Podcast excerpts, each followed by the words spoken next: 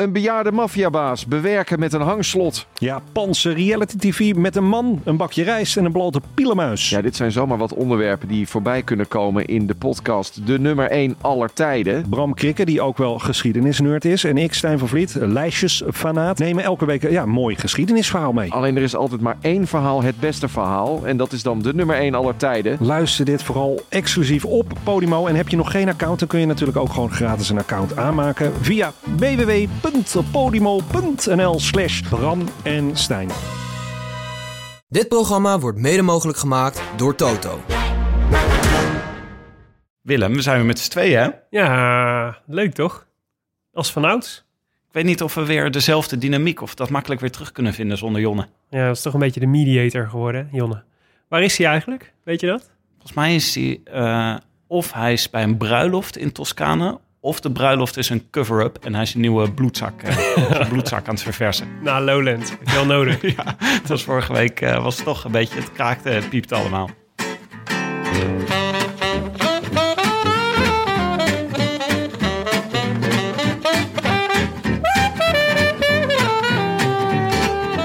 Het is zondag 23 augustus en live vanuit de tuin van Willem in Amsterdam Nieuw-West is dit de Rode Lantaarn.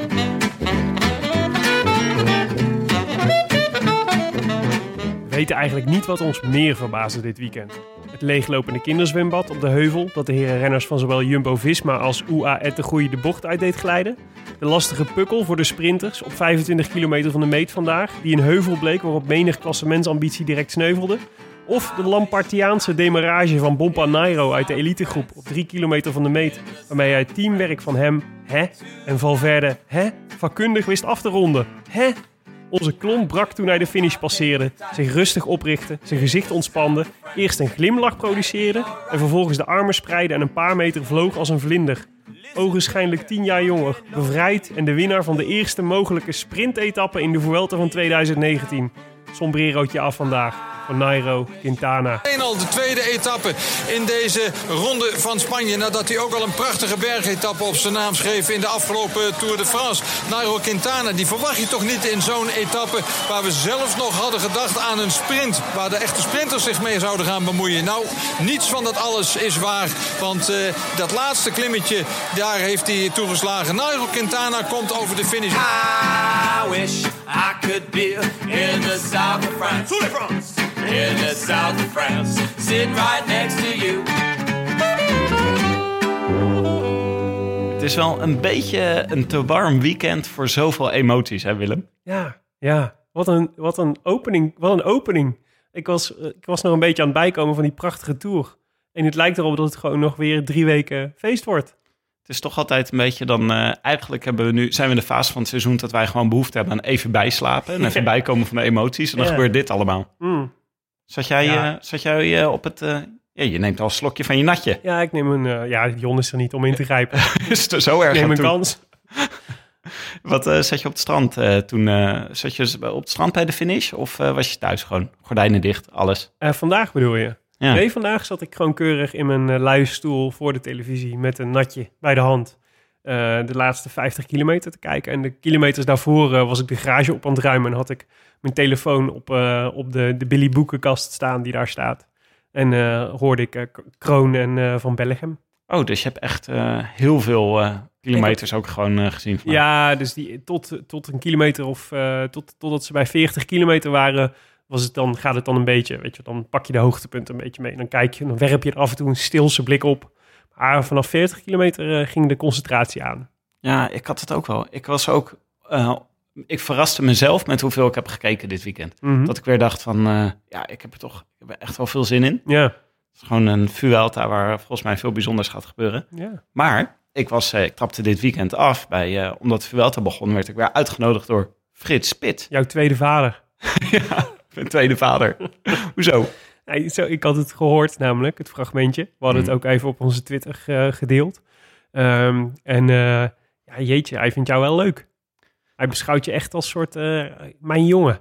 Wat fijn dat je er weer bent, Tim. Het was goed om je er weer bij te hebben, Tim. Ja, het is uh, toch een soort vriend van de show, is het inmiddels al een beetje. Ja, ja. Maar dat is wel raar eigenlijk, want het is namelijk bij zo'n radioprogramma, dan ga je, jij, jou komt het ook wel bekend voor. Dan moet je eerst al die moeite nemen om naar Hilversum te gaan. En dan Mhm. kost het ook nog best wel wat tijd voordat je in de studio eenmaal zit. Ja. En dan ga je naar binnen. Als Frits Spits is natuurlijk met zijn programma bezig. En dan heb je zo'n changement als de muziek bezig is. Mhm. Dan heb je net even tijd om, eh, nou ja, zeg eh, vijf seconden de tijd om even een handje te geven. Te zeggen, hoe gaat het? Ja. Vervolgens ben je twee minuten lang aan het wachten tot een liedje is afgelopen. Dan ben je zo eh duim aan het draaien, Ja. elkaar aan aan het staren.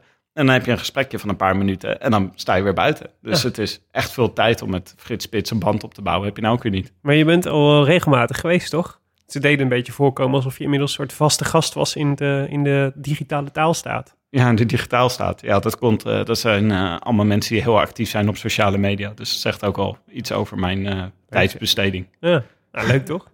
Ja, heb je mijn groetjes aan je gehoord? Ja, ja, ja zeker. Mijn lieftallige collega Willem heb ja, ik, dat eh, is, dat, ik je is, genoemd. dat, dat is zeer sympathiek. Maar het, eh, de, de, de Vuelta is voor jou niet eh, al te best begonnen. Want eh, twee dagen, wat was het, denk ik? Twee dagen nadat we onze voorbeschouwingsaflevering opnamen. En jij eh, vol, eh, vol brani eh, vol, verkondigde dat Richard Carapaz weer, eh, weer eh, wel met de zegen zou gaan strijken. Ja. Toen, eh, toen eh, bleek dat eh, Richard niet eens ging starten. Ik heb nog in jouw geest, heb ik bij Frits Spits gezegd dat Robert Geesink de Vuelta Vond gaat mooi, winnen. Maar dat is vond na mooi. vandaag is dat denk ik ook... eh. Al mijn voorspellingen zijn echt Ja. hopeloos in het honderd gelopen. Al het openingsweekend. Ja, maar die Carapaz was wel eh, extreem. Want hij blijkt dus gevallen te zijn in het criterium van Etteleur.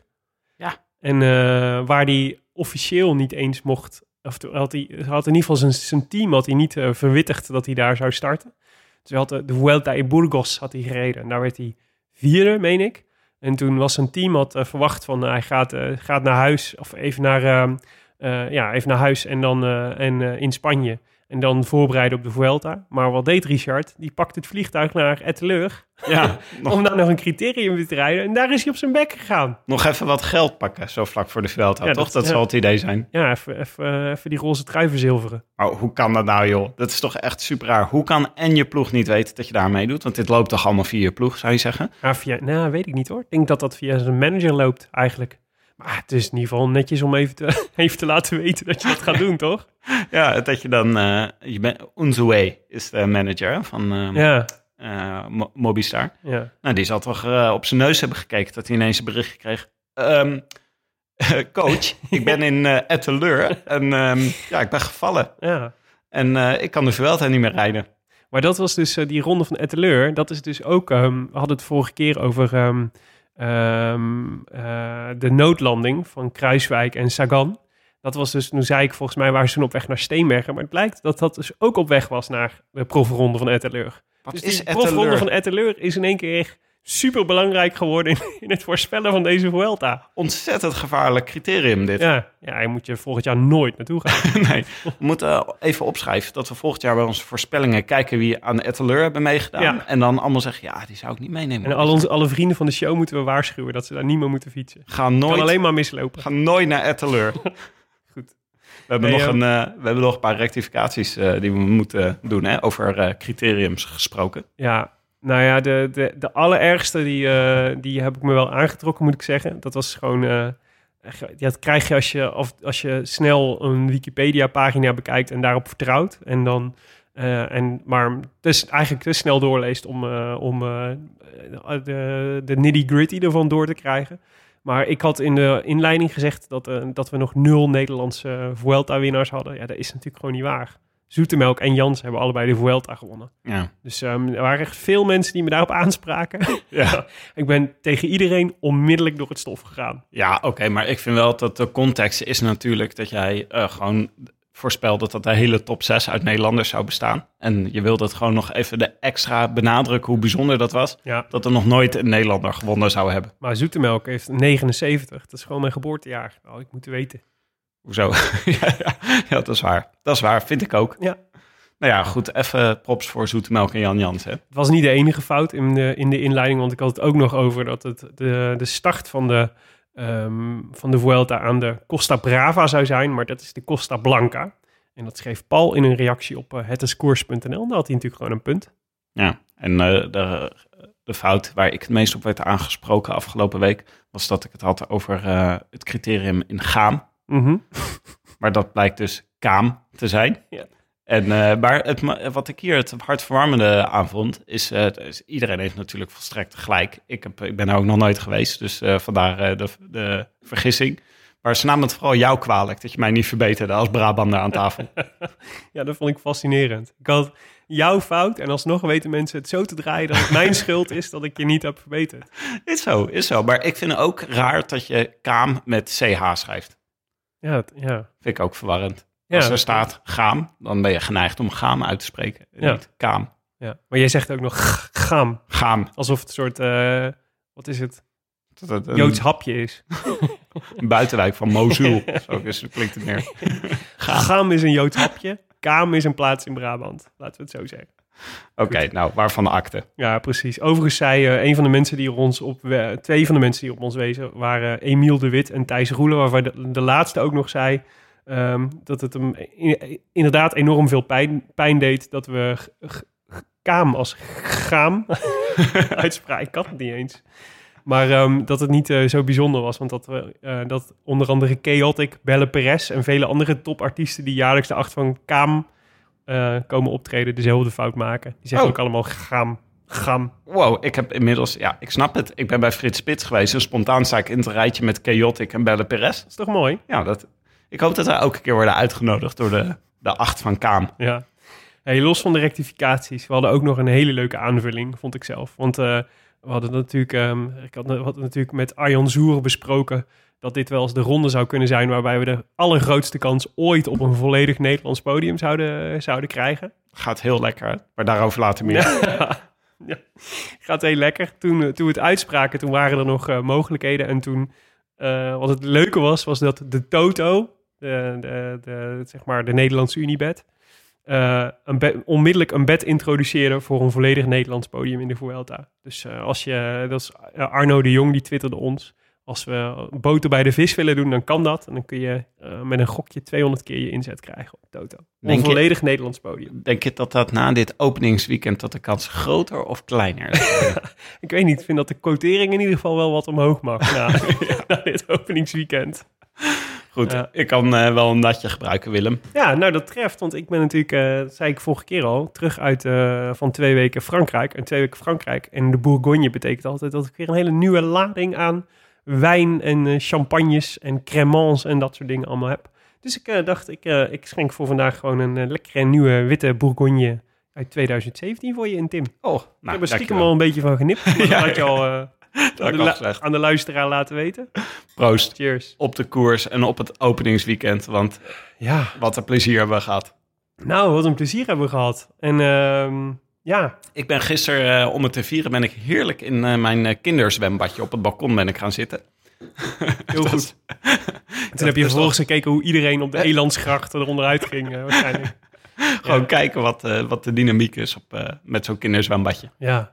ja, er was dus een, een, een, een, ja, een kinderzwembad op een, bij een huis op een heuvel. En die was gaan lekken. En het water wat daar allemaal uitstroomde, stroomde over het parcours van de Vuelta. En daardoor werden in de, in de ene bocht werden alle wieltjes nat. En in de andere bocht gleed daardoor iedereen onderuit. Dat was Ja. volgens mij kort samengevat. De, en de twee ploegen die daar het grootste slachtoffer van waren, waren eerst UAE. Met eh, onder andere Aru Ja, Gaviria. en Gaviria. eh, en Pogaca- Pogacar. Mm. En eh, vervolgens onze eigen mannen van Jumbo-Visma. ja. Wat natuurlijk echt jammer was, want die waren echt, denk ik, op koers om de, om de, de tijdrit te gaan winnen. Ja, ik wist echt niet waar ik naar zat te kijken, joh, met die openingsploegen tijdrit. We zou, wa- waar we op gerekend hadden, was weinig verschillen. Ja, Ehm, het was een vrij korte, korte afstand. ja. En eh, Jumbo deed dit wel gewoon, dit varkentje waar even zou gaan wassen. Mhm. Maar het was eh, de onverwachte ploegen reden heel erg goed. Ja. Ik werd toch een beetje verrast door de uitslag, moet ik eerlijk zeggen. Mhm. Nou, de verschillen waren... verrassend? Nou, ik, eh, dat Astana is natuurlijk was gewoon heel goed. Maar die hebben niet per se een ploeg met supergoeie tijdrijders. Jon, Mhm. Jon is een goede tijdrijder, maar die anderen vallen allemaal wel mee. Mhm. Ehm, en ehm Quickstep was weer verrassend Had goed. ik voorspeld. Hè? Ja, maar die hebben, helemaal niet, die hebben niet een ploeg bij zich met heel erg goede tijdrijders. Maar we hebben wel veel. Dus ik zat achteraf nog te denken, namelijk. Maar die- kijk, voor zo'n tijdrit heb je niet alleen maar per se heel veel goede. Kijk, wat ze natuurlijk he- als voordeel hebben, is dat is een relatief korte ploegentijdrit. Zij hebben een ploeg die gemaakt is om de lead-out voor Jacobsen te doen eigenlijk. In deze, in deze eh, Vuelta. Ze zetten alles in op ritwinsten. En nou ja, eh, Jacobs is daar een belangrijke schakel in. Maar dat betekent dus dat ze dus gewoon een ploeg hebben die gewoon kort, gedurende kortere afstanden, super hard kunnen rijden. Dus dat is in ieder geval niet zo heel raar dat ze het juist hier heel goed doen. Ja, dat is een beetje wat ik van Arjen Zoer heb geleerd. En ze trainen er veel op, hè? Ook. Ja, ze zijn ook altijd goed. Ja. Alleen ze hebben altijd wel een paar specialisten. Ik bedoel, zo iemand als Asgreen, Ja, die is echt ontzettend goede tijdrijder. Ja. Die is gewoon niet mee, die is gewoon niet bij. Dus ze hadden niet per se een ploeg met mensen die een individuele tijdrit kunnen nee, nee, doen. nee, dat, daar zou ik ze ook niet direct verwachten. Maar voor zo'n ploegentijdrit is wel. Het grappige was dat eh, volgens mij Jetse Bol, eh, vriend van de show, die bij Burgos BH als eh, allerlaatste eindigde met eh, de ploegentijdrit, ook Ja. gewoon zei dat de laatste keer dat hij, dat hij überhaupt een ploegentijdrit had gereden was in zijn vorige Vuelta in 2000 2017. Ondertussen niet. Ze hebben geen één keer getraind dus bij Burgos. Nee, ja, ja, waarom? Ja, wa- ja, nee. Ja, maar voor, dat, voor een ploeg is dat ook natuurlijk niet per se een prioriteit. Ik bedoel, hoe vaak moet je nou een ploegentijdrit rijden? Ja, het was wel misschien handig geweest als ze even één keer, eh, of even één keer bij elkaar hadden gezeten. Maar Ja. je ziet wel dat het, maakt wel echt verschil. Want zij werden wel echt dik laatste. waren ook de enige ploeg die onder de 50 km per uur bleef. Ik vind het ook echt leuk om naar te kijken. Ik eh, ben een beetje door het virus besmet door Arjen Zoer daarin. Ja. Maar ik vond het daarvoor ook al leuk. Eh, ik heb het een tijdje echt de allersaaiste discipline gevonden. Maar inmiddels weet ik een beetje waar je naar moet kijken. Ja, en dan wordt het leuker, hè? Dan is het veel leuker gewoon om Ja. te kijken wie doet welke aflossing. En hoe, wisselen Ja. ze in de, hoe gaan ze de bochten door. Dat is altijd ontzettend leuk om te zien. Ja, En, eh, en wat voor, wat voor, ja, wat voor, met wat voor tactiek beginnen ze? Wanneer komt de kopman? eh, wanneer doet de kopman werk? Ja, ik vind wel dus nog daar, juist daar ook nog wel weer heel veel te verbeteren, volgens mij, in de manier waarop er verslag wordt gedaan op televisie. Want ik zit bijvoorbeeld altijd met een startlijstje erbij te kijken van oh, wie is welk nummer. Want je kunt dat dan vaak best wel moeilijk zien, weet je wel. Wie is wie? Is wie? Ja. En wie doet eigenlijk de lange beurten en wie hangt achteraan, weet je wel, dat soort dingen. En eh, terwijl volgens mij kun je daar heel makkelijk, vrij makkelijk veel meer mee doen door ze gewoon door het beter te presenteren, meer te laten. Dan is juist data interessant, weet je wel. Hoeveel meter rijdt Tony Martin al op kop hier, weet je, dat soort dingen. Ja, dat zou echt best wel willen eh, weten. Je zou daar best wel innovatieve manieren van verslaggeving kunnen doen. Ja. Maar eh, om te beginnen zou ik graag willen dat de commentatoren van de wedstrijd gewoon vertellen wie er op kop rijdt. Ja. Want daar werd echt geen seconde aan besteed gisteren. Ja.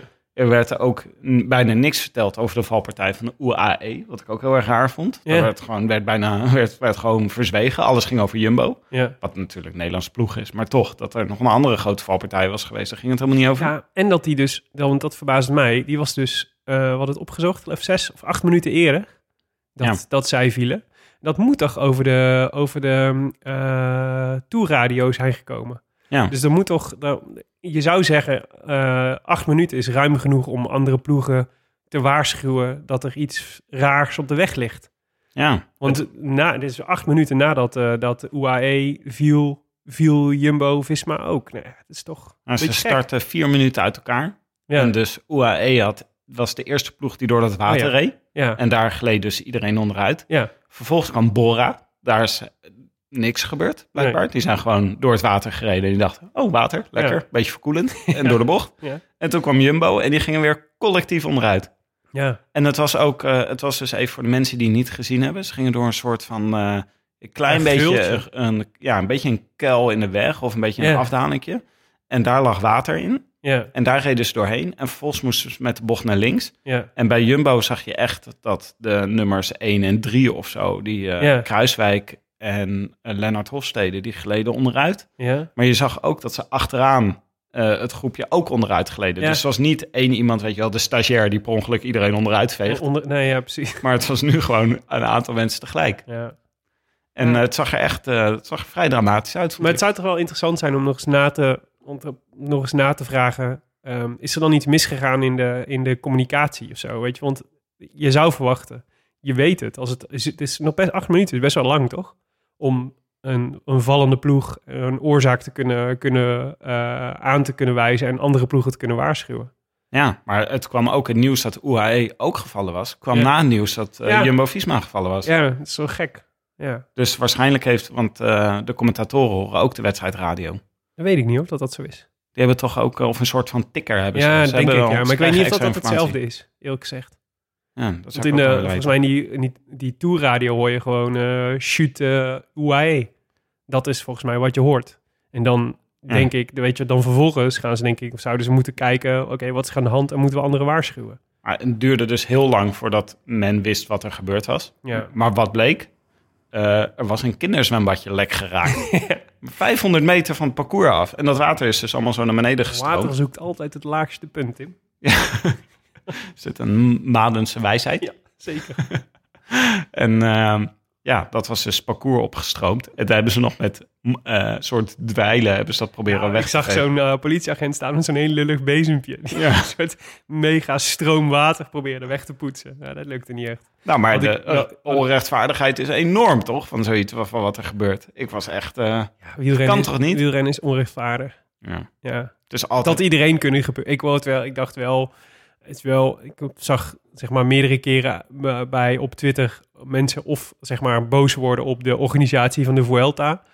Eh, of eh, zeggen, was het een bewustie? Weet je wel, dat ze, ja, ik dacht, ah, ja, de organisatie van de Vuelta, nou ja, goed, behoudens hadden ze eerder moeten communiceren en hebben ze daar een fout in gemaakt van dat, dit dat, dat er water op de weg lag, zeg maar, dat, dat zou kunnen, maar dat weten we niet. Maar ja, wat kun je daaraan doen? Als in één keer zo'n kinderzwembad gaat lekken, eh, op, dat, je, kunt, je kunt alles netjes afzetten, maar ja, dat is gewoon, dat is overmacht, toch? Maar welke onverlaat zet zijn kind in een zwembad als op de dag dat de Vuelta start in je dorp Ja, is? misschien, misschien ontstond het probleem wel toen hij eruit ging om naar de Vuelta te gaan kijken. Dat ze hem toen lek hebben gestoten. Toen, eh, oh, hij heeft waarschijnlijk gezegd, oh, Jumbo komt eraan, Jumbo komt eraan. Maar die kwamen er zo snel aan dat hij te snel uit het badje is gestapt. Dat zal het zijn. kunnen. Ik vind het wel eh, prachtig dat, eh, dat, je dan, eh, dat dan tientallen mensen zijn die dat, die dat dan associëren met de Rode Lantaarn verrassingskoers. Ja. Als er zo'n incident gebeurt. Er kan werkelijk niks loms meer gebeuren in een, eh, in een, eh, in een, eta- in een wielerwedstrijd. Of het wordt wel toegeschreven aan een Rode Lantaarn verrassingskoers effect. Nee, het wordt meer zo op het programma gezet van de Rode Lantaarn verrassingskoers. Want het gaat er aankomen natuurlijk. Ja. Deze Ja. drieweekse koers waarin je elke dag een andere verrassing voor de kiezer krijgt en niet weet waar de finish is. Ja, ik heb al wel heel veel potentiële verrassingen van mijn lijstje af moeten strepen hoor. Het lekkende kinderzwembad gaat er sowieso niet meer in zitten. nu. Gaat, gaat er niet meer in na vandaag. ja, of juist omdat het geen verrassing meer is. omdat ik nu heb aangekondigd dat het er niet meer in zit. Dus dan houdt niemand de berekening mee. Echt ingewikkeld, de organisatie van deze koers. Overigens eh, had je ook de crash gezien van die auto van eh Euskadi. Ja, dat was ook eh Raymond Kerkhoffs van de Telegraaf. Die dacht dat die eh, watervlek werd veroorzaakt door de crash van die auto van de Euskadi. Dus de Ah, complottheorieën gingen echt heel erg snel Oké. na afloop. Maar het was volgens mij in de, in de voorbereidingsronde, toch? De, het oefenrondje. Ah ja, het was echt al een tijd voordat de crash van Ja, Jumbo-Visma dacht ik hoor, weet ik niet, weet niet Ja. zeker.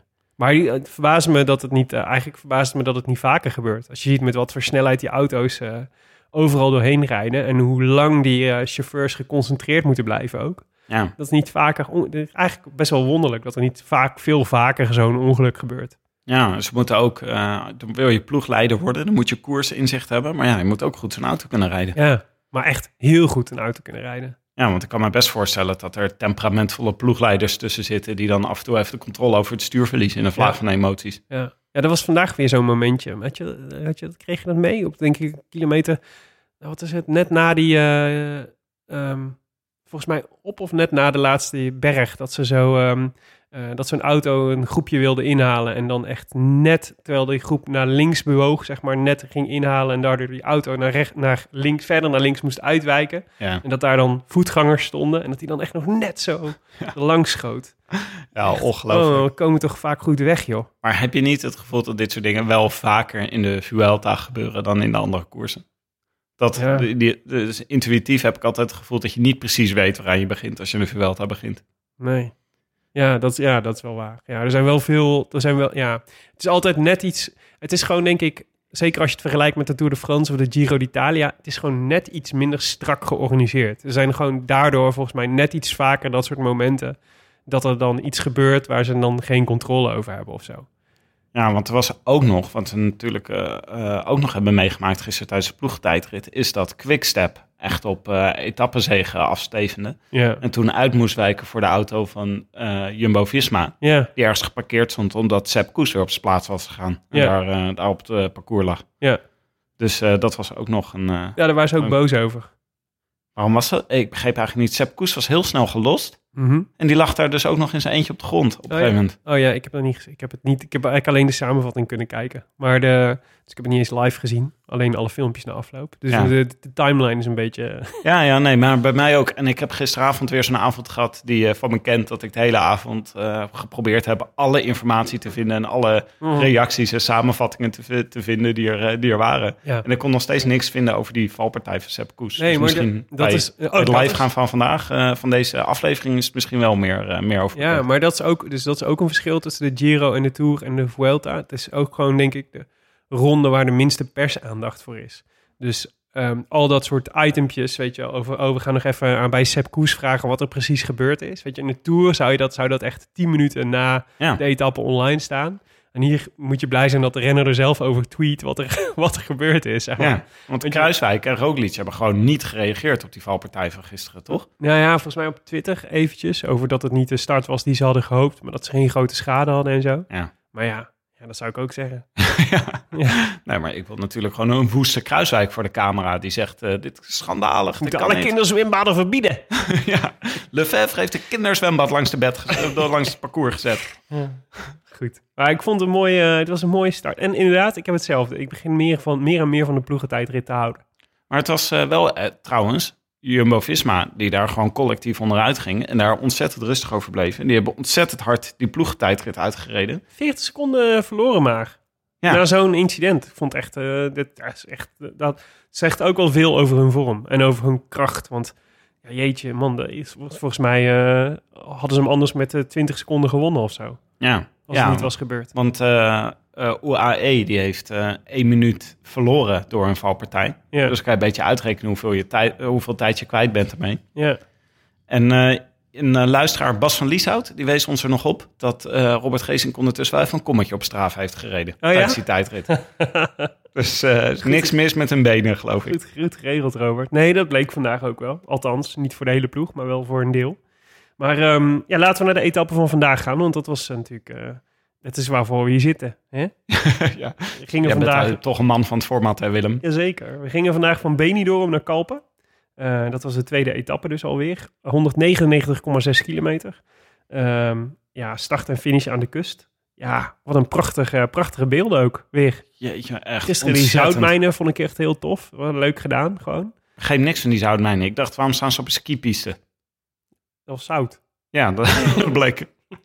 Het zag er echt uit als een skipiste. Ja, Sowieso zag de, de piste waar ze dan afgingen uit als een ijsbaan. ja dat is waar. Ja, dat, maar het was Heel ook raar gezegd. witte... Wat is het? Die witte platen waren het. Maar ik vond het vooral mooi dat je, dan, dat je, dat je die meren hebt, zeg maar. En dan die enorme bergen met zout. En dat die, dan die bergen met zout zo weer spiegelen in het water. En dan zo al die renners voorlangs. Was Ja. mooi, was overduidelijk over nagedacht, over de beeldregie. Ja, echt ongelooflijk. En vandaag, ik heb echt zitten smullen. Echt wat een vakantiegevoel was dat, zeg. Tof, hè? Nou, nou ben ik daar nog nooit op vakantie geweest. Maar het was heel, echt zo'n gebied waarvan Je bent nog nooit in Benidorm geweest? Ik ben nog nooit... in- Jawel? Nee, nee. ook niet. Het voelt ook meer als een plaats waar hele oude mensen naartoe gaan op vakantie, toch? Een bekende vakantieplek. Ja. Ik ben wel een keer Marbella geweest. Dat ligt er vlakbij. Ja, ja, maar dat associeer ik ook meer met jou eh, dan eh Benidorm. Eh, Benidorm is voor het gewone volk, hè? maar het is een beetje de achtertuin van Valverde. Want die komt daar vlakbij. Murcia ligt er niet ver vandaan. Mhm. Maar prachtig gebied met die weg zo langs het water. Deed me een beetje aan eh Milaan Sanremo deed me denken. Want die Ja. rijden dan ook altijd zo langs de kust. Ja. En Kalpen is volgens mij ook een plek waar heel veel wielrenners wonen. Gewoon sowieso. Oh ja. Ja. Dus voor, voor veel mensen is het volgens was het sowieso wel een beetje een thuiswedstrijd. Hoe zou je het uitspreken? Het klinkt helemaal niet Spaans. Kalpe. Calpe. Cal- Calpe is het volgens mij. Calpe. Die Kalp. Ja, dus Ja, die E Calpe. is niet, zeg maar, Ja. Ja. Nee, maar een zachte E misschien. Calpe. Oh, Calpe. Kalpe. Calpe. Nou, Ik weet het eigenlijk niet. Ik denk Calpe. Maar goed. En eh, een mooie parcours. Ja. Met, eh, ik had eigenlijk een beetje op gerekend dat, het hier, dat die sprinters nog op het laatste stuk eh, alles Nou ja. bij, zouden, Ja, het grappige is, volgens bij mij, zouden rijden.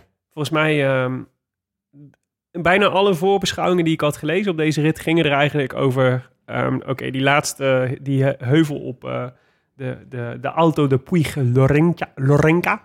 Dat is zeg maar die, die heuvel op eh, 25 kilometer voor de meet. Dat wordt de scherprechter. Alleen de vraag die iedereen eigenlijk stelde was, gaan de sprinters het overleven? Ja. En ehm, eh, gaan de eh, lukt het hier? Nou ja, eigenlijk zei iedereen nee, de sprinters gaan het niet overleven.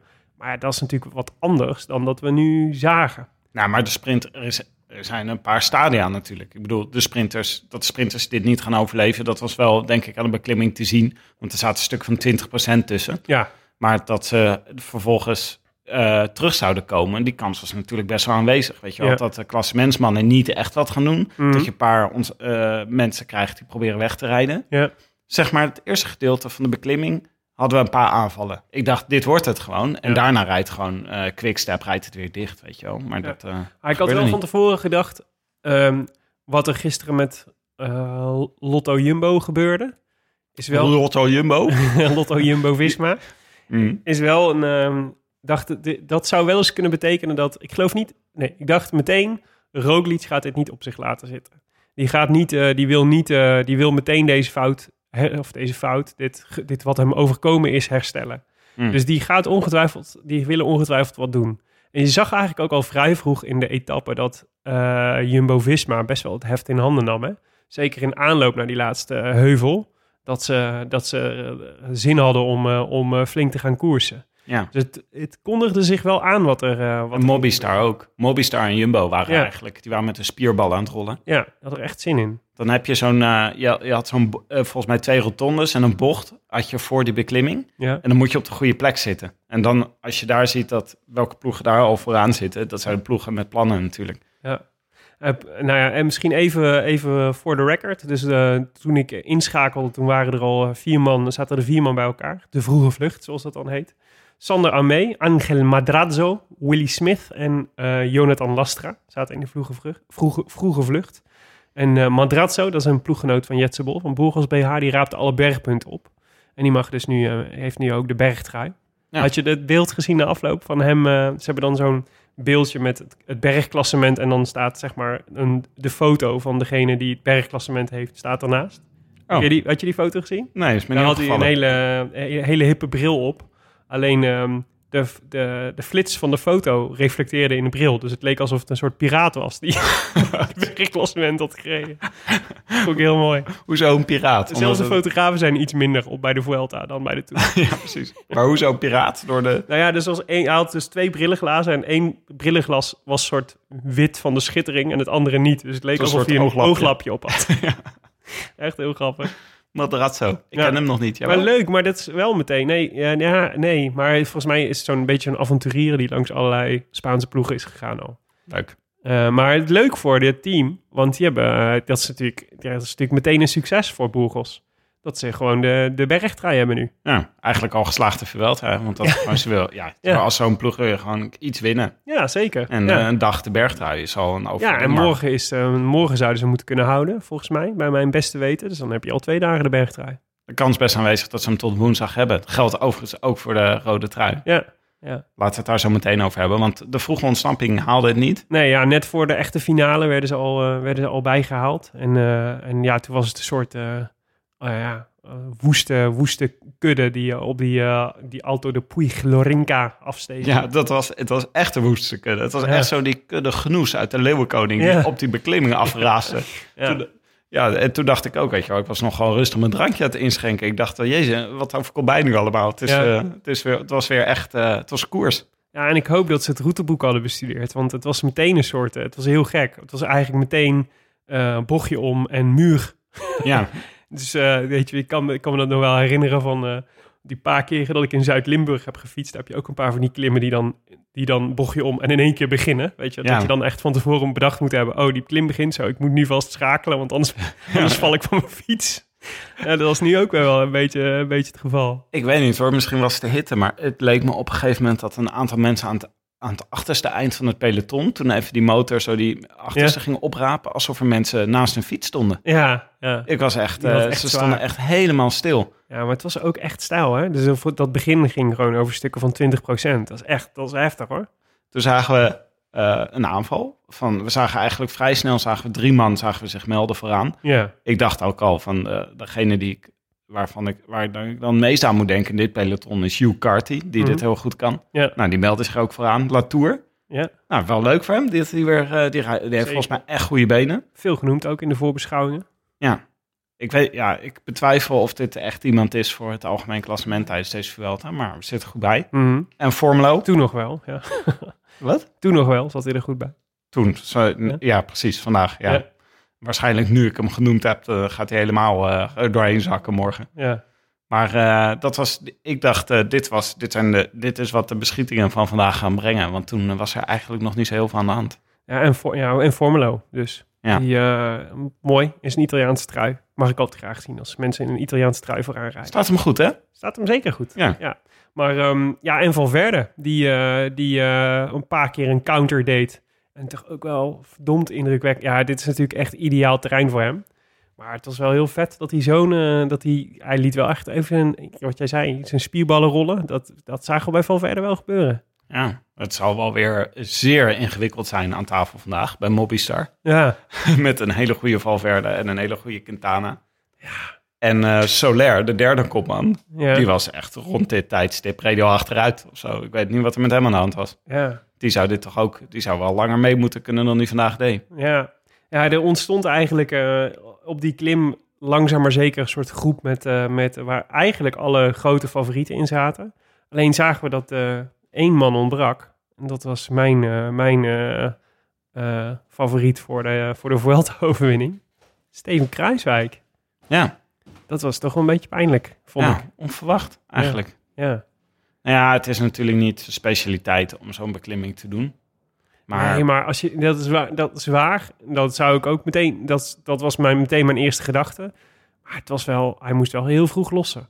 En ook lossen voor mannen die die zeg maar eigenlijk in elk trainingsritje zou moeten kunnen hebben op zo'n berg. ja, hij reed op een gegeven moment achter de sprinters. Hij zat naar de rug van- ja. Ja, hij zat naar, naar kijken. ja. Dat is toch wel raar. Dat is toch een beetje van... eh, ik vind het toch wel raar dat wij... eh, Want bij Dumoulin hebben we dit ook heel vaak. Dat als een helling heel stijl is, dan zeggen we... Ja, het is niet de klimming voor Dumoulin. Ik vind het toch wel erg om van onze klimmers te moeten zeggen... Ja, het is gewoon geen klim voor hem. ja.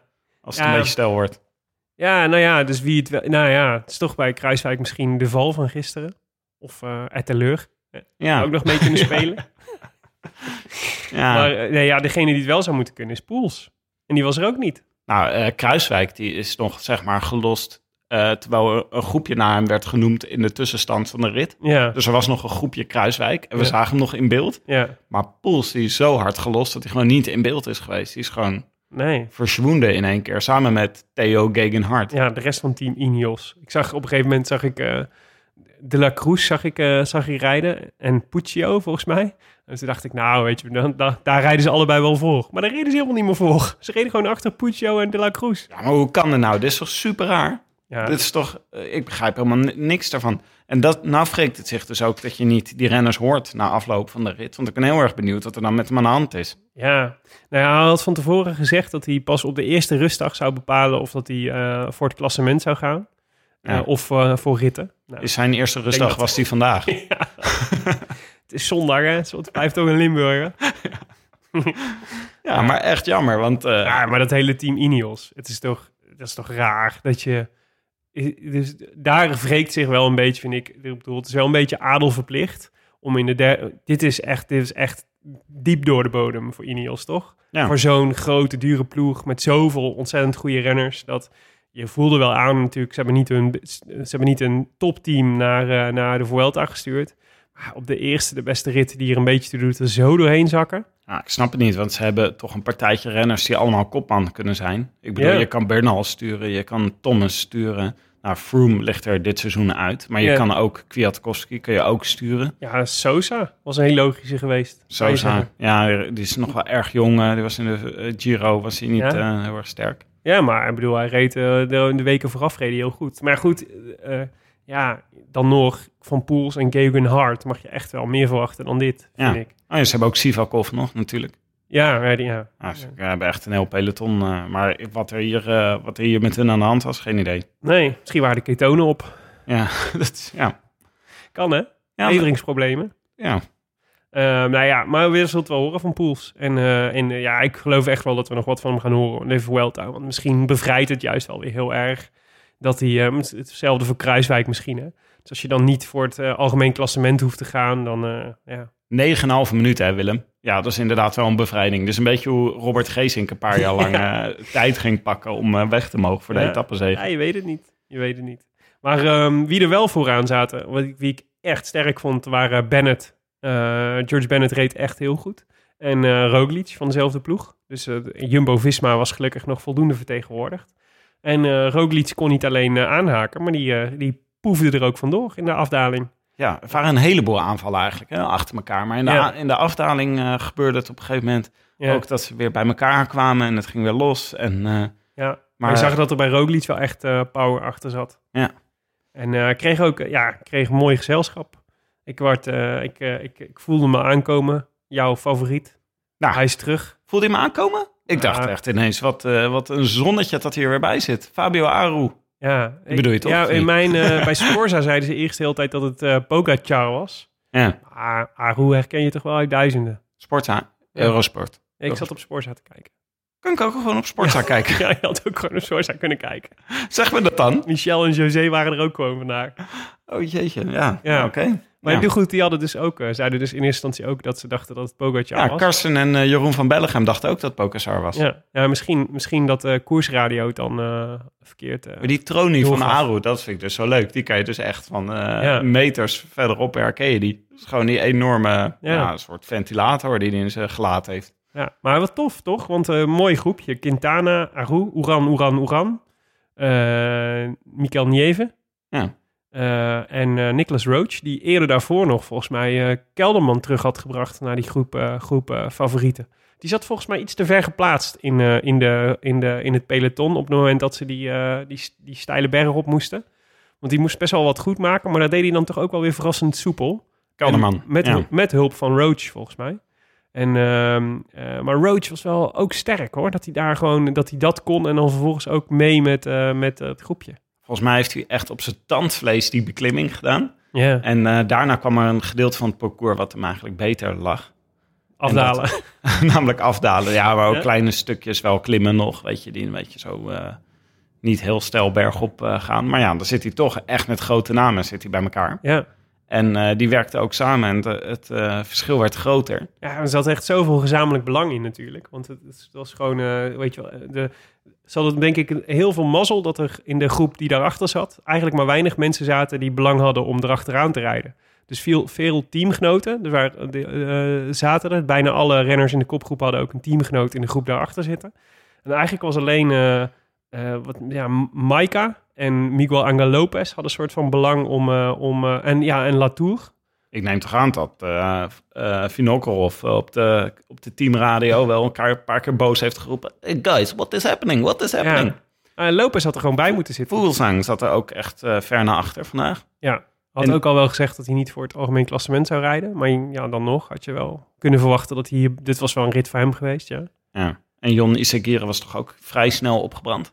Ja, maar die moest wel echt... Die heeft dus volgens mij... Dat was dus eigenlijk de enige knecht van een kopman in de achtervolgende groep... die, die ze konden laten werken.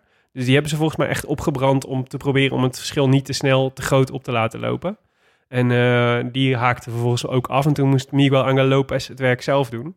Ja, en dan is het wel echt moeilijk om tegen zo'n eh, groepje... met eh, toch wel echt erkende hardrijders gewoon op te moeten in je eentje. Dit is, dit is de hegemoniale stabiliteitstheorie, hè Willem? Ineos valt even weg en het wordt chaos. Hier verwacht je gewoon zeven man van de Ineos die erachteraan Ja. rijden op wattages, Ja. op wattagemeters. Maar Ja, ja, dat, ja, niks van dat alles. Ja, dat maakt, nou ja, het maakt de koers wel spannender en leuker ook. Als ze ineens Astana's heel, de ehm, boel moeten gaan organiseren, dan krijg je dit. Ja. Wat je wel jammer vond, Miguel Angel Lopez had, natuurlijk, had het natuurlijk eh, had meegemoeten. Dat was ah, of Izagirre, maar liever eh, Miguel Angel Lopez. Ik had toch ook wel gehoopt dat Kelderman eh, mee had gekund. Dus ik was een beetje pissig. Dat, want ik denk ook dat hij het niet deed omdat Roach mee, eh, meesprong. Maar ja, het zat wel, het had, je had wel weer een soort klein voorsprongetje kunnen nemen. Weet je, hij had, eh, Kelderman had ook in het rood kunnen rijden nu. Ja, het was wel een beetje... Stel je voor, Ja, allemaal in het rood. ja, ik denk dat hem echt goed zal staan. Zeker. Sowieso rijden ze al een Ze beetje veel rood. mooier rood dan hun eigen shirt. precies.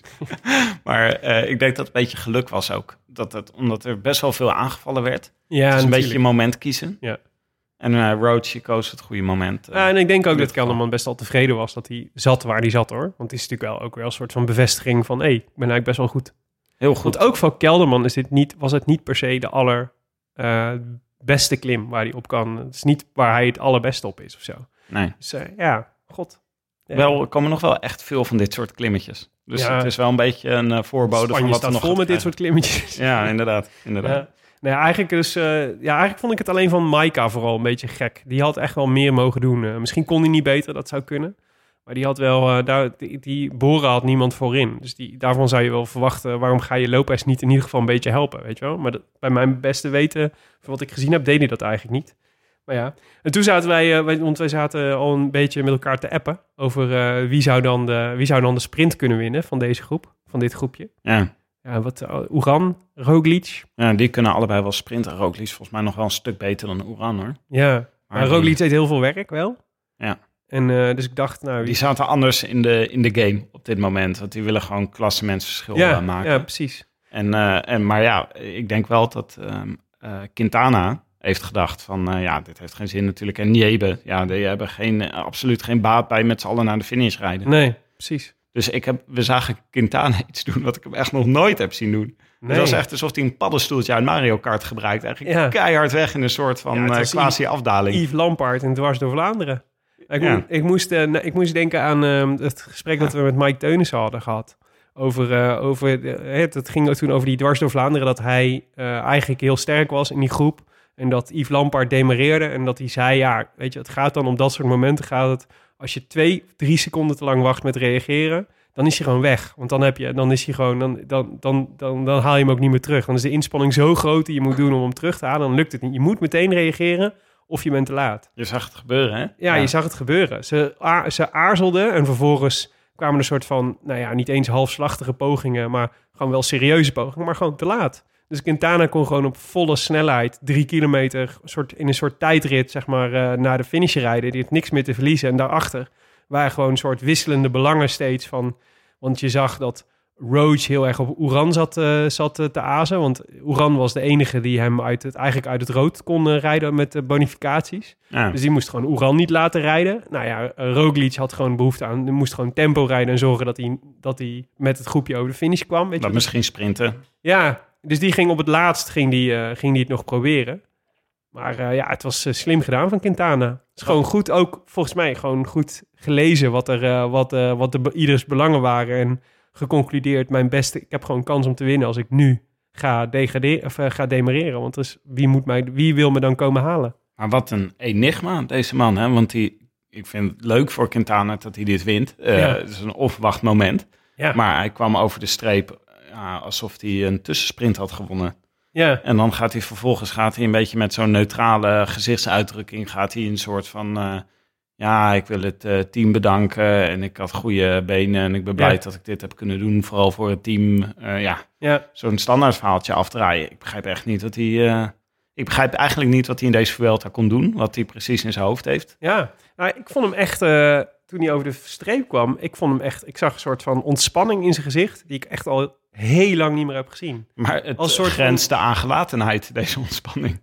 Ja, echt misschien gewoon- wel. Hij, Maar, hij stak niet eens handen in de lucht. Geen, eh, Jawel, toen hij over het, oh hij, dus dat, eh, nee, hij, toen hij over de finish kwam, stak hij geen handen in Nee, de maar dat was, een, dat was het verkeerde beeld namelijk. Want in de herhaling zag je op een gegeven moment zag je het beeld dat hij... eh, dus hij, hij, hij stak zijn handen niet in de lucht, maar een, ongeveer 20 meter over de finish deed hij zijn armen wijd en ging hij zo'n beetje flappen als een vlinder. En? Ja, dat is Oh, dat- een heel mooi beeld was dat. Maar niemand, eh, ja, dus in het... Waarom deed hij dat? Ja, dat weet ik niet. Maar het was, het was wel, het had soort, daarom zei ik, bevrijdend. Het voelde echt alsof soort van, alsof hij in één keer 10 kilo lichter was geworden. Of 10 jaar jonger, zo je wilt, voor een bompa.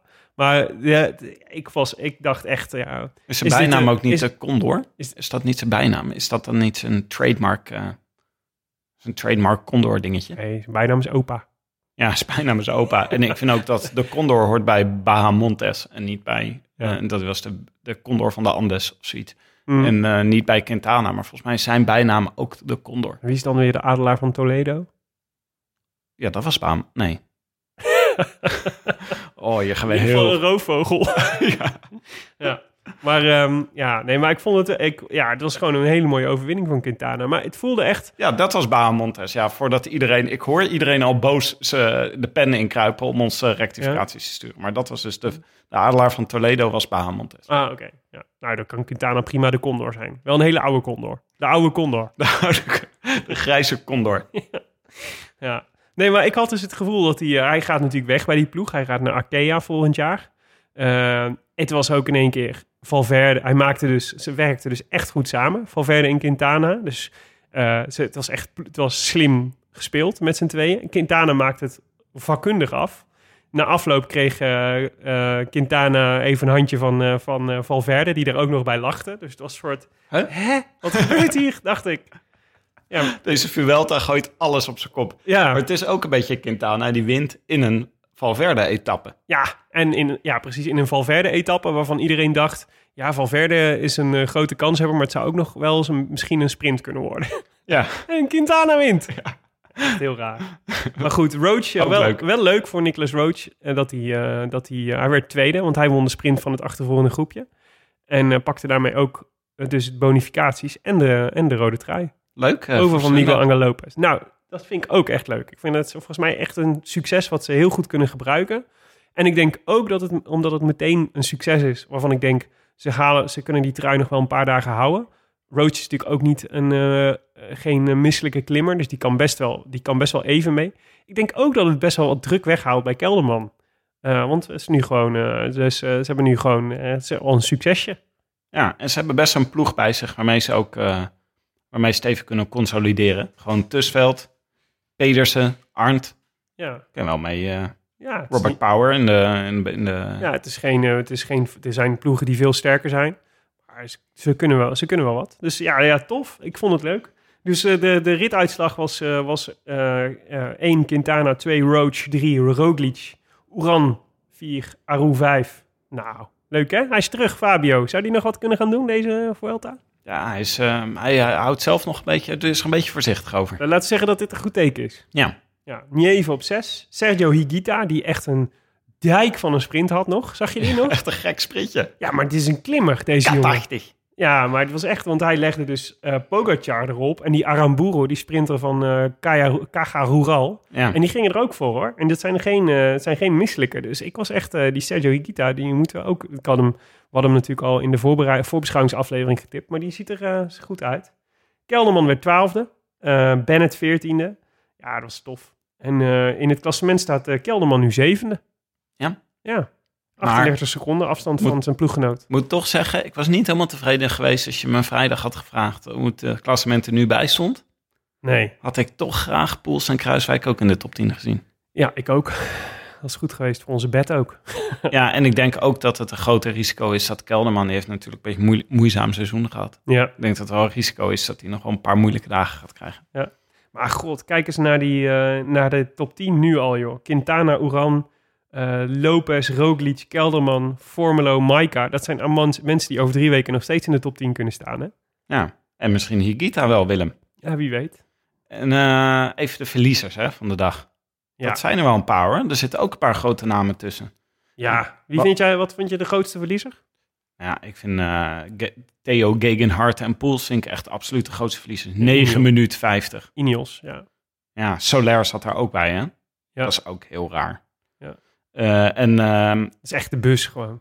ja, die zaten echt in een soort bus. Ja, Henao en O'Connor, die ook eh, toch een beetje klassement aspiraties hadden. Net daarvoor, 7,5 minuut. ja.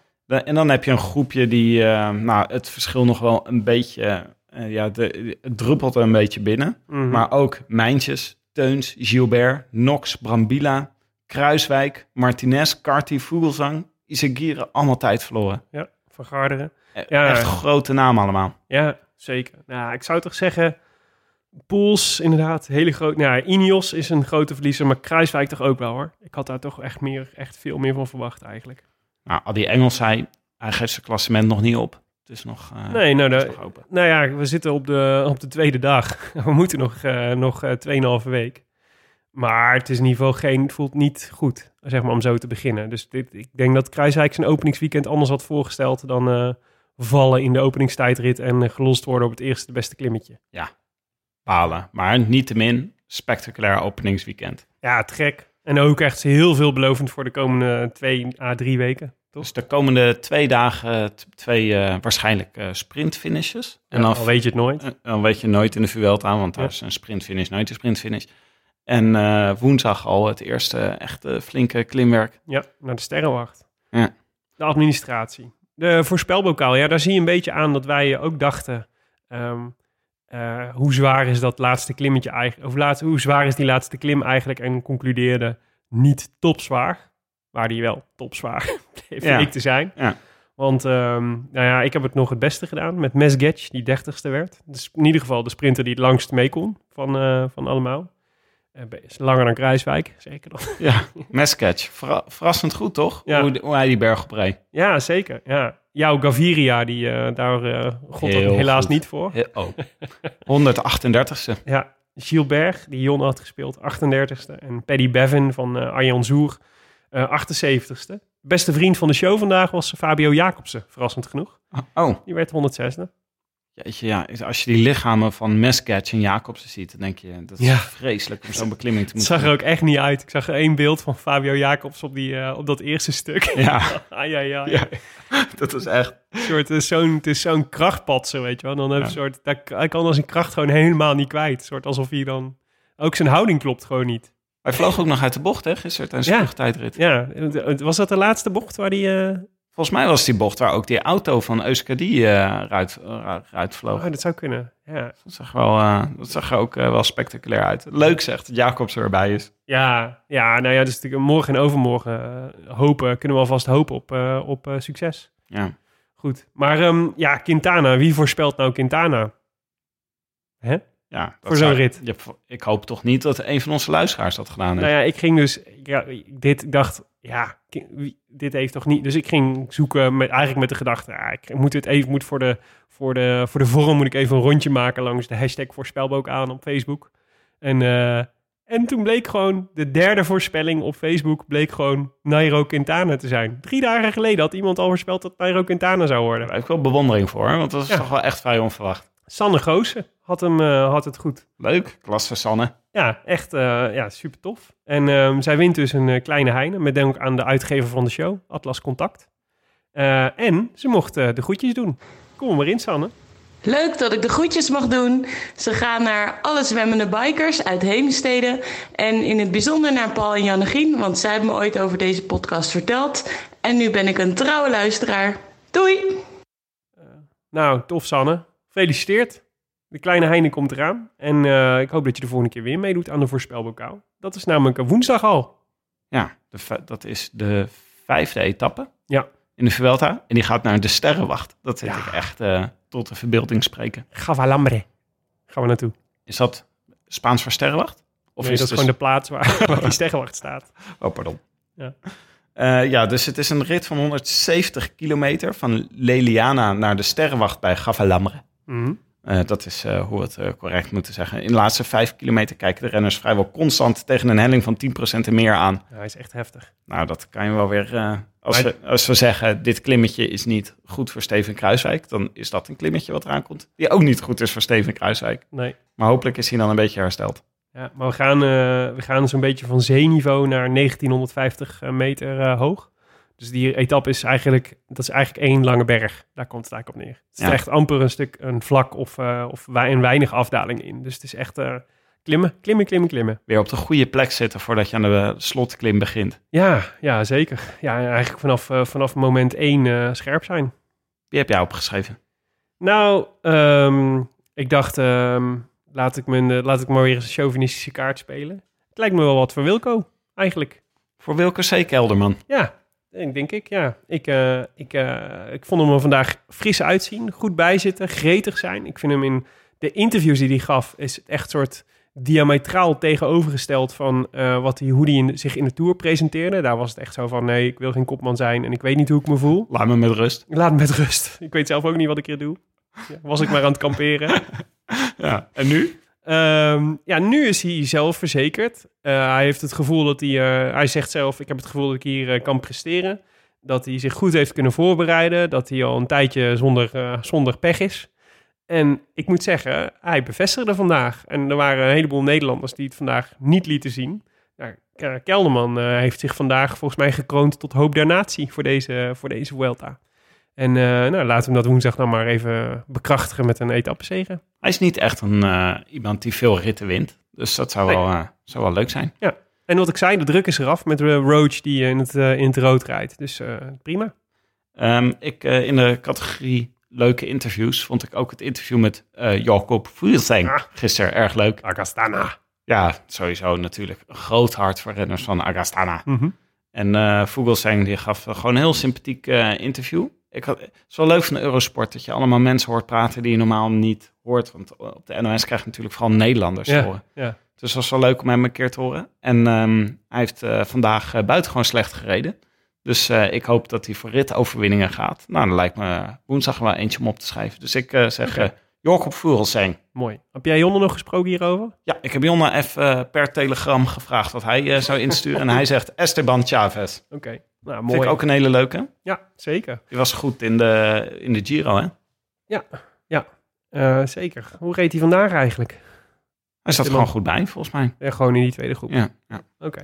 Nou, meedoen kan via de Rode Lantaarn op Facebook. Eh, en like die pagina dan meteen even. Maar het mag ook via de hashtag voorspelbokaal op Twitter. En daar kun je ons ook uiteraard volgen onder de Rode Lantaarn. Ehm, de stand van zaken in de Scorito pool. Nou ja, wat mij verheugde was dat we toch gewoon weer eh, bijna 2000 deelnemers hebben aan Ja. ons poeltje. ja, leuk. Leuk hè? Ja, en dat is toch altijd eh, voor de laatste grande tour van het jaar. Iedereen zit nog een beetje in het zwarte gat van de tour. Ja, Zo niet onze luisteraars. nee. Gewoon allemaal weer fanatiek meedoen met Vuelta pool. Erg Ja. leuk. Ja, ik vind het ook wel. Ik, in het begin had ik, een- was ik een beetje. ehm, eh, dat ik dacht, ik vind het echt te veel werk voor een wielerpool om elke dag zo'n opstelling te maken. Maar grappig genoeg is het, als je ertoe zet, wordt de koers er wel echt leuker door. Want je wordt echt gedwongen om na te denken over, oh, wat voor rit is dat? En wat voor renners moet ik dan meenemen? En het is bij de Vuelta extreem moeilijk. Dus volgens mij had vandaag, zijn vandaag heel veel mensen soort nat gegaan... doordat ze wel de goede renners in hun ploeg hadden... maar de verkeerde renners hebben opgesteld. Zeker. Ja. dat is mijn specialiteit. ja, maar ik denk dat je vandaag niet in, eh, niet, eh, in je eentje was. In tegenstelling tot sommige etappes van de Tour. Ik had toch een beetje op een sprint eh, gegokt. Dus Ja. ik had Mes Gatch als kopman Ja. vandaag. En eh, ik had ook natuurlijk eh, vol ingezet op Jumbo-Visma met de tijdrit. Ja, ja, ja dus dat eh, ja, ging niet echt heel lekker dit weekend. Hoeveel sta jij? Jij staat 1553. Maar ik vroeg hoeveel jij stond. nou, ik ga best wel lekker. Ik sta 151ste. Ja. Ik had vandaag een goede dag. Ik dus, En eh, op de tweede etappe maakt een goede dag nogal wat uit, zeg maar. Als er in totaal twee dagen zijn geweest. wie is jouw punt? Wie had je dan, waardoor heb je punten gepakt? Heb je Quintana? Eh, ja, maar die had ik volgens mij niet opgesteld. vandaag. Nee? Nee, Oh. misschien wel hoor. In ieder geval Roglic had ik erbij zitten. Oeran. Oh, ja. Ehm, ja, misschien toch ook wel Quintana. Maar ehm Jonnes doet het overigens nog slechter dan jij. Die staat 1599ste. ja, Wat echt gewoon eh, dramatisch is. Dan kun je eigenlijk net zo goed stoppen Ja, als je daar staat. nou, het is goed dat hij even eh, een weekendje weg is. En ondanks onze waarschuwing is Martijn Tusveld toch gewoon gaan meedoen Ja. aan deze Scorito pool. Maar laten we het dan maar oogluikend toestaan. Maar hij staat 36ste. Ja, hij is hartstikke goed hierin. Ja, maar hij wist natuurlijk, hij heeft natuurlijk Roach opgesteld vandaag. Ja. Dat wist hij gewoon. Maar hij heeft waarschijnlijk ook Astana goed gegokt voor gisteren. Ja. Ik ga straks eens kijken wie die allemaal in zijn ploeg heeft. En hoeveel, eh, hoeveel en welke Sunwebjes eh, ze hij heeft meegenomen. Oh ja, inderdaad. dat zegt wel wat natuurlijk. Ik had dus, eh, ik heb Arndt mee van Sunweb.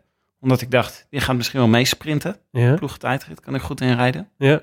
Dus eh, ik dacht, eh, dat is een beetje een multifunctionele renner. Hmm, Oké. Nou ja, ehm, Goede tijdrijder ook. ja je, als je al, eh, als je al in het Scorito-spel zit, in een ander poeltje, dan kun je deze week kun je nog aanmelden voor onze Rode Lantaarnpool. Als je niet bent aangemeld bij Scorito, kun je volgens mij niet meer meedoen. Maar ehm, eh, als je dat nou wel, eh, als je nou wel een Scorito-account hebt en al meedoet aan een andere Vuelta-pool, meld je dan nog even aan, dan zullen we je nog even toelaten. Echt een helder verhaal. Ja, ja. Je Ja. kan eh, naar het Je kunt niet meer meedoen. nee, precies. Maar tenzij je al een team hebt gemaakt, is Corito, maar Ja. nog niet. In, het is koers.nl slash Vuelta. Daar, Ja, kom daar, heb je dus niks, daar heb je dus niks meer aan. Nee, oh ja, dat is waar. maar degene die wint, krijgt, en dat is wel simpel, eh, een eh, mooie print van, eh, met daarop Mathieu van der Poel, gemaakt door Studio Grinta. En dat is geregeld door onze fiets van de show, Canyon. Ook de fiets van Nairo Quintana. hè? En voor mij, En van jou. Ja. Alleen maar grote. Dat was het. De Rode Lantaarn van het openingsweekend van de Vuelta. Gepresenteerd vandaag door uw favoriete tuinzitters. Willem Dudok en ikzelf, Tim de Gier. Jullie krijgen allemaal de goedton van Ton Garçon, waarvan de eerste O&0 is. En eh, natuurlijk ook grote dank aan onze sponsor Scorito.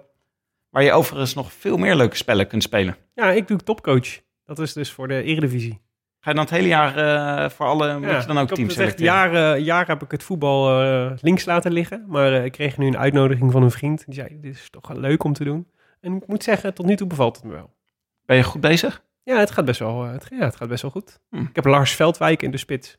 Oh, Die ja. heeft vandaag ook weer gescoord. Ja, Gaat prima mee. Ja, Ja. Dat is, eh, ik ga eens even kijken hoe je het daar doet eh, voor volgende keer. Even analyse.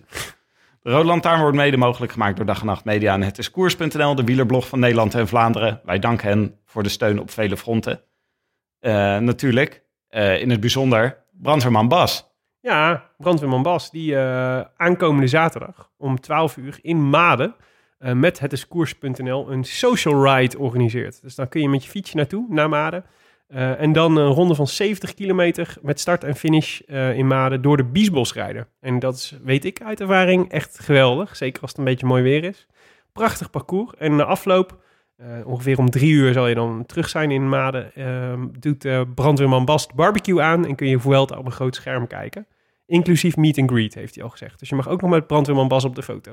Ik vind dit wel een beetje het... eh, ik dacht dat we de rubriek over de brandweer hadden afgeschaft. Maar Is sowieso rekt dit wel een beetje de rubriek over de brandweer naar een koers door de Biesbos. Ja, Oké. dat vind je wel acceptabel. Ja hoor, vind ik wel acceptabel. Nee, maar uh, hartstikke leuk. Dus, dus mocht je zin hebben in een leuk koersje en, uh, en in de buurt zijn of naar de buurt willen komen, op hetiskoers.nl slash bbq. Dat staat voor barbecue. Oh, hetiskoers.nl slash bbq vind je, alle, vind je alle details en kun je aanmelden en zo. Oké. Okay. Wil je reageren op deze uitzending? Dan zijn we te bereiken op Twitter via Willem Dudok, Tim de Gier en Ton Garçon, waarvan de eerste O en 0 is. En we hebben tegenwoordig ook een mailadres. Groetjes at de Rode Lantaarnpodcast.nl Blijven de mails op binnenstromen, dat is heel erg leuk. Jazeker. We zullen, misschien moeten we in de volgende aflevering moeten we even een uh, postzakrubriekje doen. Ja. Met wat, uh, wat ver uit onze, wat inzendingen. uit onze mailbox. Want Ja. er zit wat moois in. Ja, ja, dat is uh, inderdaad heel erg leuk. We hebben met sommige mensen ook levende, levendige gesprekken gewoon. Uh, en wat je ook kan doen, is een reviewtje in iTunes achterlaten. Dat is voor ons uh, fijn, want dan vinden weer meerdere mensen, andere mensen de show ook. Hebben we nog een mooi uh, reviewtje, Willem? Zeker. We hadden een, een review van Wessel Weddenschap. oh, mooie naam. Vijf sterren. Absurd goede podcast. Die schreef, elke keer dat je denkt dat het niet nog beter kan, wordt het toch veel beter. Aflevering na aflevering verschijnt er toch weer een bredere glimlach op mijn gezicht. Precies op het moment dat ik dacht dat het maximum echt bereikt was, kwam ik afgelopen vrijdag ene Ton Garçon tegen in een feesttent die de naam India droeg, te Biddinghuizen. Na een vlugge Twitter profielfoto-check en navraag bij de man, gehe geheft in het shirt van het nationale voetbalteam van Suriname, bleek het inderdaad te gaan om Ton Garçon, waarvan de eerste O een 0 is. Gebroedelijk atten we ons biertje, maakten we een foto en sloten we ons gesprek af met een weddenschap over wie de Vuelta zou gaan winnen. Ton was duidelijk, Roglic pakt hem. Ik bracht daar misschien wel net zo overtuigend Lopez tegenin. Ik ben helaas vergeten wat we op het spel hebben gezet, maar het was vast iets met bier. Enfin, ga zo door mannen, ik blijf luisteren. En wie weet wordt de glimlach op mijn gezicht straks nog groter als Lopez op 15 september op de hoogste treden van het podium in Madrid staat. Oh, mooi. Wessel Weddenschap en Ton Garçon samen in de tent op Lowlands. Is Ton Garçon er toch nog een beetje bij, dacht ik. Ja. Goed. Dat was het. Etappe 2 van de Vuelta, of het openingsweekend van de Vuelta. Ik vond het uh, veelbelovend. Ik heb er zin in, de rest van de Vuelta. Meer zin dan, dan voorafgaand aan de Vuelta. Ik ben benieuwd hoe we er woensdag voor staan, emotioneel. Ja. Ja. Dus er was waarschijnlijk weer van alles gebeurd. Ja, nou ja, we zullen het zien. Wij zijn er dan weer woensdag na afloop van de etappe naar de Sterrenwacht. Vergeet niet je voorspelbokaal in te vullen en je Scorito-poeltje bij te houden. Want uh, hè, met elke dag weer punten scoren. Um, en um, a biento. Adios. I wish I could be in the south of France. In the south of France, sitting right next to you.